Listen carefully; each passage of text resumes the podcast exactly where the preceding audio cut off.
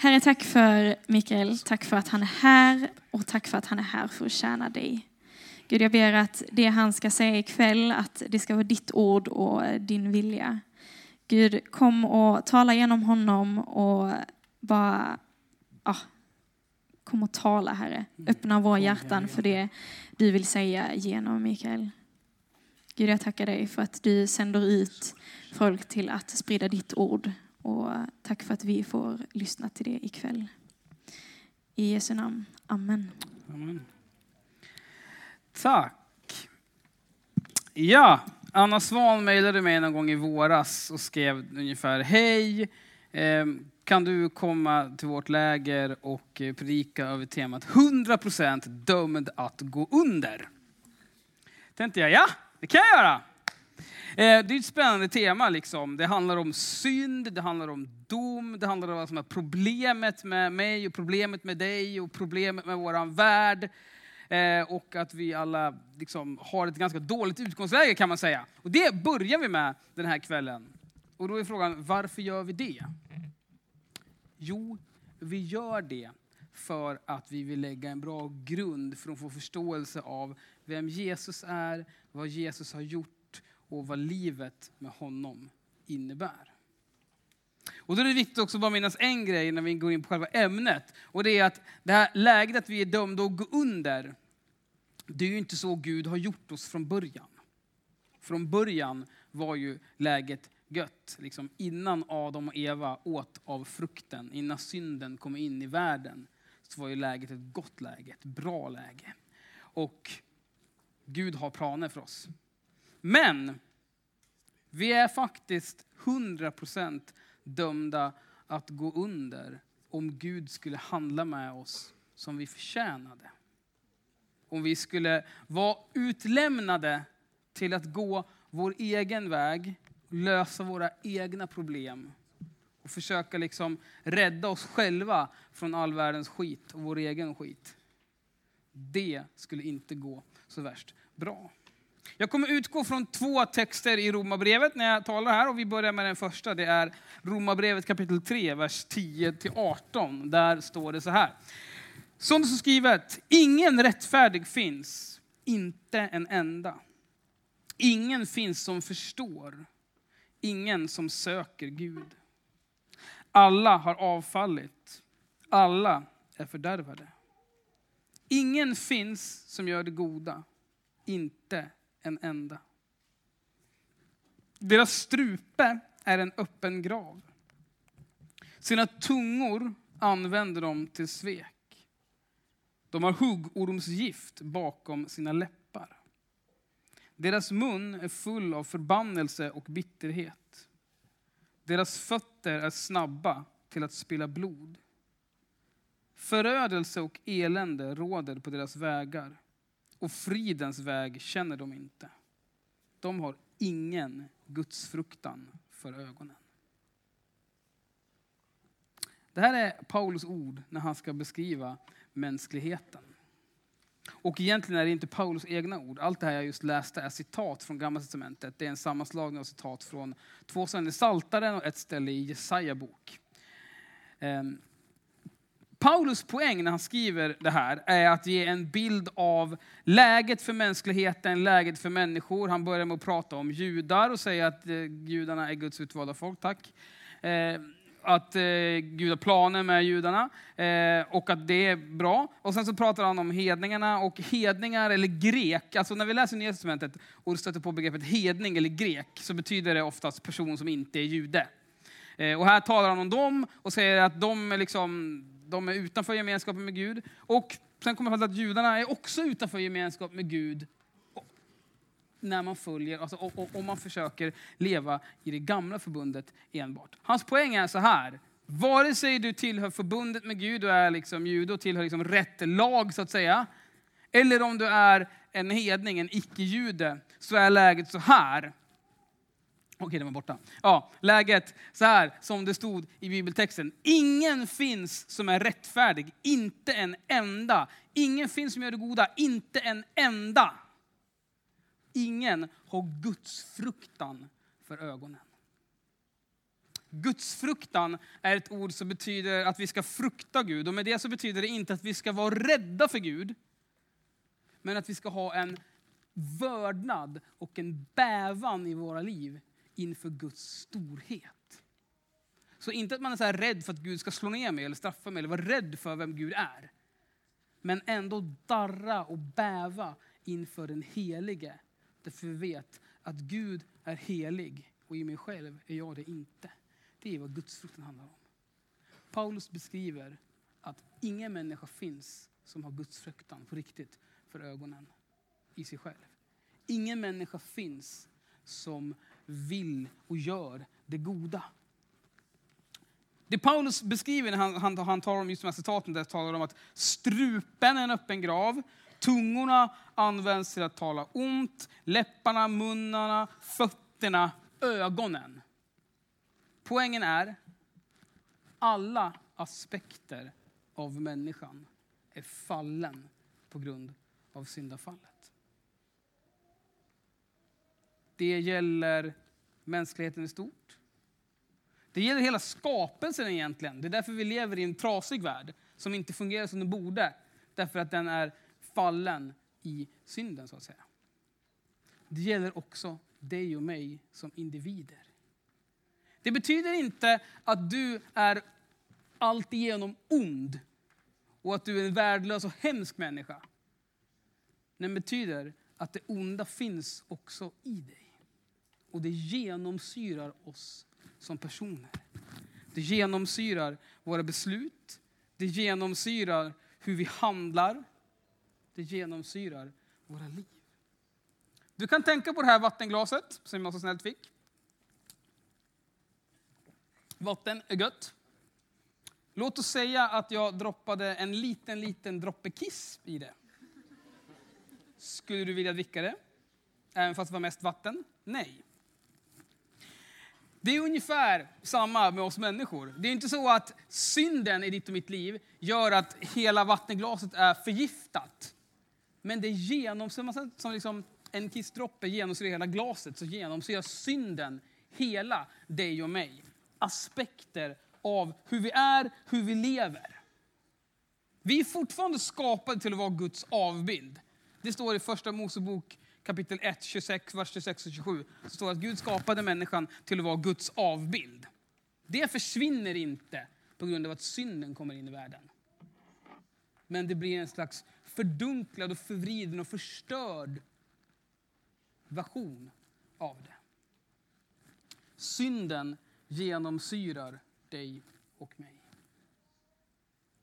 Det intressanta är, vad får det för konsekvenser i våra liv? Vi måste börja då med att prata om vad synd faktiskt är. Har du varit i kyrkan lite så har du säkert hört ordet synd massa gånger. Eh, och eh, i många kyrkor så ber man ju syndabekännelse på olika sätt eh, varje gång det är gudstjänst. Så du har säkert hört ordet synd, men har du funderat över vad det egentligen i grunden är? Jag tycker att något av det bästa sättet att försöka förklara det är att säga att synden finns på två sätt. Det finns liksom synd med stort S och sen finns det synd med litet s. Synd med stort S, det är liksom som en slags sjukdom som du och jag får med oss från födseln. Gud skapade världen god. Läser vi skapelseberättelsen så ser du gång på gång att det står att Gud såg att det han skapade var gott. Det står till och med att han såg att det var mycket gott. Det som händer när Adam och Eva äter av frukten är att de släpper in synden i världen. De litar mer på sin egen plan än på Guds plan. Från den stunden så är hela världen trasig och sjuk av den här sjukdomen som heter synd. Det gör att sjukdomar finns. Det gör att eh, världen är en ond plats, det gör att orättvisor finns, det gör att naturkatastrofer finns. Det finns massa sådana grejer. Allt sånt som är dåligt i världen beror i grunden på synden. Och det gör också att du och jag från början har med oss den här sjukdomen. Om man tänker sig att eh, det finns en inre kompass i en människa. Som är som en slags så här, moralisk kompass, hur man bör agera. Så ska en kompass peka norrut. Synden gör att din och min kompass pekar lite snett. Och det genomsyrar hur vi beter oss. Det gör också att jag gör det som är synd med litet s, nämligen gå bort från Gud med flit. Så synden genomsyrar varje aspekt av oss som människor. Hela människan är liksom skadad av synden. Och det gör också att vi med viljes faktiskt lever ut synden. Synd är i grunden också nämligen ett uppror mot Gud. Och du är, har varit och konfirmerat dig någon gång så har du kanske eventuellt hört att eh, synden är Eh, att synd är att missa målet. Och det stämmer. Det är att missa målet. Och målet, det är att leva 100% för Gud. 100% med Jesus. När vi missar målet så innebär det att vi struntar i det. Och på det sättet så är synd ett uppror mot Gud. För det är att jag som individ med mitt liv, kanske inte med liksom mina ord, men med mitt liv så säger jag att jag vet bättre än du Gud vad som gäller. Jag har bättre koll, du är förvisso universums herre, men jag har koll på hur livet borde vara. Det är synden. Det är ett uppror mot Gud. Och det är att gå emot vad som är poängen med ditt och mitt liv. Det är vad synden är. Och det här är någonting allvarligt. Det innebär inte att du gör lite fel bedömningar och så vidare i livet, att du så bara råkar få det lite svårt ibland. Det innebär faktiskt att du med viljes gör det som är fel ibland. Och om jag har rätt i att vi är sådana, så tror jag att du kanske känner igen det i ditt liv om du är riktigt ärlig och tänker på, på, på ditt liv. De gånger som vi står inför valsituationer, då vi ska göra det som är gott eller det som är lite mindre gott. Då vi kan välja mellan att tala helt sanning eller att kanske inte ljuga, men i alla fall eh, lägga fram saker på ett sätt så att eh, jag framstår lite bättre dagar. Så krävs det lite mer ansträngning för oss att göra det som vi vet är det rätta. Det är ett uttryck för att synden finns i dig och mig. Och synden är ingen bra grej. Därför den gör att våra liv blir sämre. Den gör att våra liv liksom får... Att meningen med våra liv blir sned. Och den gör också ytterst sett, djupast sett och viktigast att vi inte kan leva i gemenskap med Gud. Och därför är du och jag i oss själva 100% dömda att gå under. Vi kan inte leva i gemenskap med Gud i det här livet. Och vi kommer inte att leva med Gud, i gemenskap med Gud i evigheten. Om vi följer vårt eget hjärta, vår egen agenda, vår egen, liksom, våra egna planer. Därför våra egna planer och våra egna agendor är genomsyrade av synden. Rent konkret så handlar ju synd helt enkelt om att jag gör det som är fel. Ett exempel är att jag kanske ljuger, att jag sitter liksom och så här, tweakar sanningen för att den ska gagna mig bättre. Jag kanske är eh, självisk med hur jag hanterar eh, mina pengar, hur jag hanterar mitt liv. Eh, du vet själv vad, tror jag, vad som är fel i ditt liv. Kanske kommer du på dig själv med att ofta snacka skit om andra människor. Det är en synd. Kanske du kommer på dig själv med att sitta och surfa porr fast du vet att du inte vill eller borde. Det är också en synd. Någonting som liksom, Bibeln skriver det som att det luktar illa i Guds näsborrar. Nu fattar jag varför den satt snett. Yeah. Eh, det, det, det är liksom någonting som på ett sätt drar på dig Guds dom. Och det gör att vi är dömda att gå under. Det gäller inte bara mig. Det gäller inte bara liksom Adolf Hitler eller liksom terrorister. Det gäller var och en av oss som någon gång syndar och gör det som är mot Guds vilja. Och är du riktigt ärlig med dig själv så tror jag du vet med dig att det faktiskt gäller dig. Det här är ingenting som vi kan sopa under mattan. Det här är ingenting som vi liksom kan bara låtsas om och tänka att ah, men, nej, jag ska bli bättre imorgon. Det spelar ingen roll hur mycket du försöker skärpa dig. Du kan skärpa dig hela livet. Du kommer ändå inte kunna nå hela vägen fram. Därför synden sitter så pass djupt i oss i grunden. Och jag säger inte det här för att vara så tråkig och skapa dålig, käns- vad heter det, dålig stämning så du ska känna dig allmänt värdelös. Liksom. Utan jag säger det för jag tror att det är sant. Jag tror att det är sant för att det står i Bibeln och för att jag ser att det stämmer överens med vad jag ser i livet. Och första steget till att bli frisk från en sjukdom, till att komma ur någonting negativt, det är att tala sanning om vad som gäller. Jag kan inte få ett bra äktenskap med min fru om jag inte talar sanning med henne om vad jag längtar efter, hur jag känner och vad jag tycker. Jag kan inte bli frisk från en sjukdom om jag inte går till doktorn och talar om vad jag har för symptom, även om jag tycker att det är pinsamt.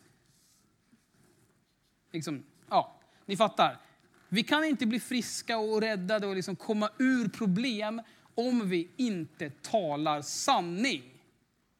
Och Det är därför vi tar upp det här ämnet med synd. Inte för att vi tycker att det är kul att prata om synd, utan för att vi tycker att det är kul och fantastiskt och underbart att se människor få lämna det och bli fria. Men då måste vi börja tala sanning om synden. Synd är något som förvrider skapelsen. Det är någonting som gör att Guds utlåtande mot oss är att nej, du har inte lyckats att leva som du borde leva. Du har inte följt min lag det är ett uppror mot Gud. Och gör man uppror mot den som är universums herre, som har all makt, så kommer man att förlora. Utan Gud, utan Jesus, så är du och jag på väg åt helt fel håll. Vi är på väg att gå under. Kanske är livet här bra ändå. Det betyder liksom inte att så här, alla som inte tror på Jesus går runt och mår dåligt och ångest hela dagarna. Det betyder det inte. Det kan bli, man kan ha ett jättebra liv och vara fantastiskt glad och god. Men i grunden så försvinner meningen på djupet och framförallt meningen med livet efter detta. Om vi går i egen kraft. Så synden genomsyrar dig och mig. Den är ett uppror mot Gud. Och den har också ett antal andra negativa effekter, nämligen att vi sitter fast i den. Bibeln talar om det som att vi är slavar under synden. Och det är en annan aspekt där synden liksom förpestar våra liv. Det är när vi sitter fast i saker. Man kan sitta fast i beroenden av alkohol, beroende av pengar, beroende av... Alltså egentligen allt som man kan använda kan man missbruka. Eh, så liksom, beroenden och sånt är något som kan, man kan sitta fast i, som är en konsekvens av synden. Det behöver inte innebära att du har gjort något fel, men det betyder att du lever i en värld som är genomsyrad av synden. Andra exempel kan vara att man sitter fast i depressioner. Vad du än gör, även när du har en familj som älskar dig, kompisar som älskar dig, du har liksom, det går bra för dig, så känner du dig ändå tom på insidan och inte vill leva på insidan fast du egentligen har ett bra liv. Det är också en effekt av att du lever i en värld som är genomsyrad av synd. Någon sitter fast i liksom att man inte kan ha en normal relation till mat. Så att man liksom helt kan ha en ätstörning och bara tänker, tänker på mat och på sin kropp på ett sätt som inte är sunt. Också en effekt av synden. Så synden innebär inte bara att du och jag gör det som är ont, det innebär också att vi är utsatta för ondska. Och Paulus budskap är att så här är världen, sån är liksom, synden och dess effekter finns överallt i skapelsen. Och utan Jesus så är vi dömda att förlora mot synden. 100% dömd att gå under. De goda nyheterna är att vi tror inte på en Gud som bara skapar världen, ser att det skiter sig på sidan 3 i Bibeln och sen säger ja det var ju synd för dem. Gud är aktiv. Gud älskar dig mer än vad dina vänner, dina föräldrar och dina syskon gör. Gud vill lösa situationen. Han vet att vi går under om inget händer. Därför gör han något. Och då kan vi komma till den andra texten i Romarbrevet 6. Jag hoppar lite och hoppar över liksom ganska mycket resonemang, men det är bara för att jag fick inte predika i åtta timmar. Eh, eller vet ni inte att alla som är döpta till Kristus Jesus är döpta till hans död? Vi är begravda med honom genom dopet till döden för att leva det nya livet. Liksom Kristus är uppväckt från de döda genom Faderns härlighet. För om vi är förenade med honom i en död som hans, ska vi också vara det i en uppståndelse som hans. Vi vet att vår gamla människa har blivit korsfäst med Kristus. För att syndens kropp ska beröva sin makt så att vi inte längre är slavar under synden. Den som är död är förklarad fri från synden. Har vi nu dött med Kristus tror vi att vi också ska leva med honom. Vi vet att Kristus är uppväckt från de döda och aldrig mer dör. Döden har ingen makt över honom längre. Hans död var en död från synden en gång för alla, medan liv är ett liv för Gud. Så ska också ni se på er själva. Ni är döda från synden och lever för Gud i Kristus Jesus. Det här är goda nyheter. För det betyder att synden har inte sista ordet i ditt liv. Din identitet behöver inte vara att du är den som är en syndare, den som, den som är en egoist, den som gör sin egen vilja, den som liksom gör upp mot Gud hela dagarna. Det är inte vem Gud kallar dig att vara och det är inte så ditt liv behöver se ut. Därför Jesus har dött och uppstått för dig en gång för alla, för hela världen. Det är det här som är evangeliet. Att Jesus blir människa, lever utan synd, korsfäst och när han hänger där på korset så suger han liksom åt sig all världens ondska, all skit, all sjukdom, all smärtor, allt som är ont och negativt och dåligt i världen. Det läggs på Jesus. Det är därför han utropar det är fullbordat när han hänger där. Han läggs i en grav. På den tredje dagen så uppstår han igen. Och det är en seger över det onda. För när Jesus uppstår igen så lämnar han döden och synden och ondskan och skiten i graven. Den är besegrad. Den segern får du och jag, som var 100% dömda att gå under, kliva in i. Därför vi är ett med Jesus, om vi vill tro på honom. Det är det Paulus talar om när han talar om dopet. Vare sig du är döpt som barn, som spädbarn, eller om du är döpt i en ålder så att du själv valde det. Eller om du inte är döpt så kan du få bli det. Det dopet uttrycker är en enhet med Jesus. Och att liksom Jesus dog så får vi dö med honom. Och liksom han uppstår så uppstår vi tillsammans med honom. Det är vad dopet uttrycker. Och det betyder att vi är ett med Jesus. Hans identitet, den han säger att du är, det är vem du är. Och han säger att du är inte syndaren och den onde. Du är den rättfärdige. Den som är 100% på väg in i full gemenskap med Jesus.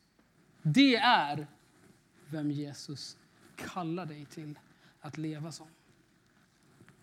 Sista raden här är viktig. Så ska också ni se på er själva. Ni är döda från synden och lever för Gud i Kristus Jesus. Alltså synden har inte det sista ordet i ditt liv. Visst, är du kristen, säg att du har på något vis tror på Jesus och tror att han är den som har liksom dött uppstått och förlåtit våra synder. Vare sig du vet att så här, det fanns en specifik tidpunkt då du blev kristen, vare sig du vet att du var inte kristen men nu är du det, men du vet inte exakt när du blev det, eller om du bara, liksom, jag har alltid varit det, jag kan inte minnas att jag inte har varit det. Oavsett vilk, alltså på vilket sätt. Om du tror på Jesus så är du ett med honom. Och det betyder att även när du syndar, även om du gör det varje dag, även om du gjorde det i morse, så är det liksom ett slags avsteg från den du är. Därför synden i ditt liv är död och du lever med Jesus. Och det är vad jag vill att du ska ta med dig den här kvällen och när du är med liksom i resten av lägret. Att synden är allvarlig, den är ett uppror mot Gud, den är något ont. Det är någonting som du, du måste liksom göra upp med i ditt liv. Men när du gör det och när du tar del av den vem Jesus är, då finns också full frihet. Och den friheten får vi del av redan här och nu. Kanske inte fullt ut på alla områden i våra liv. Men vi får del av den här och nu. Därför vill jag inbjuda dig att göra upp med det i ditt liv som du vet är snett. Om du vet att du bär på synd i ditt liv, gör upp med Jesus ikväll.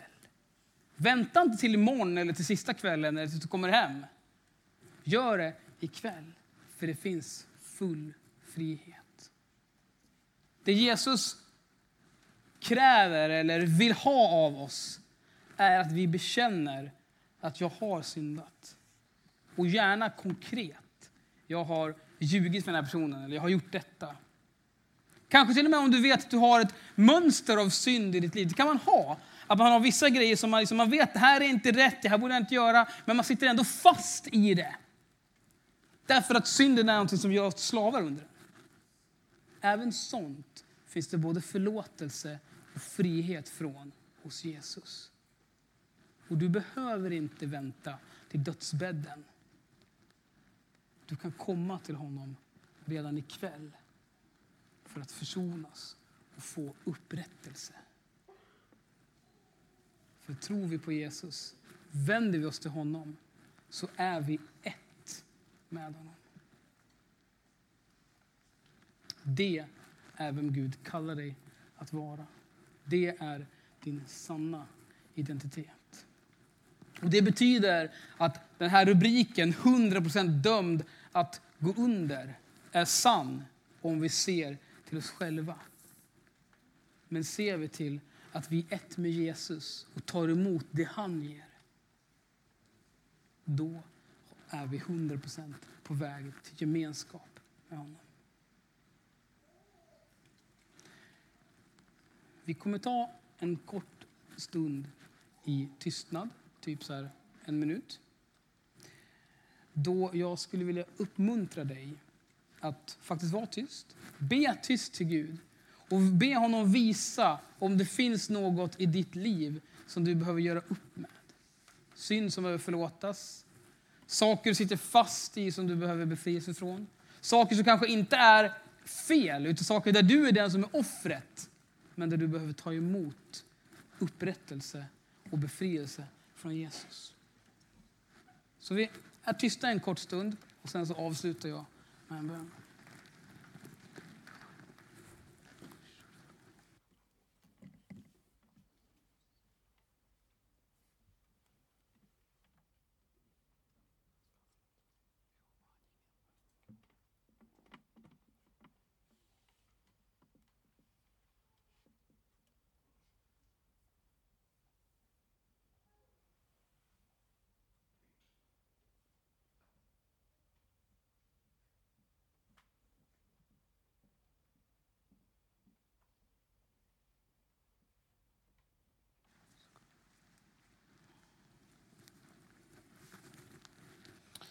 Helige Ande, jag tackar dig för att du är här. Tackar dig Fader för att du sänder din son. Tack för att ingen människa är så förlorad att du inte kan rädda oss när vi söker dig. Och du har själv sagt att du ska inte kasta ut den som kommer till dig. Och du har själv sagt att allt som behövs är en liten tro som ett senapsfrö, så ger du växten. Tack Gud för att du är här. Möt oss, tala till oss. I Jesu namn. Amen.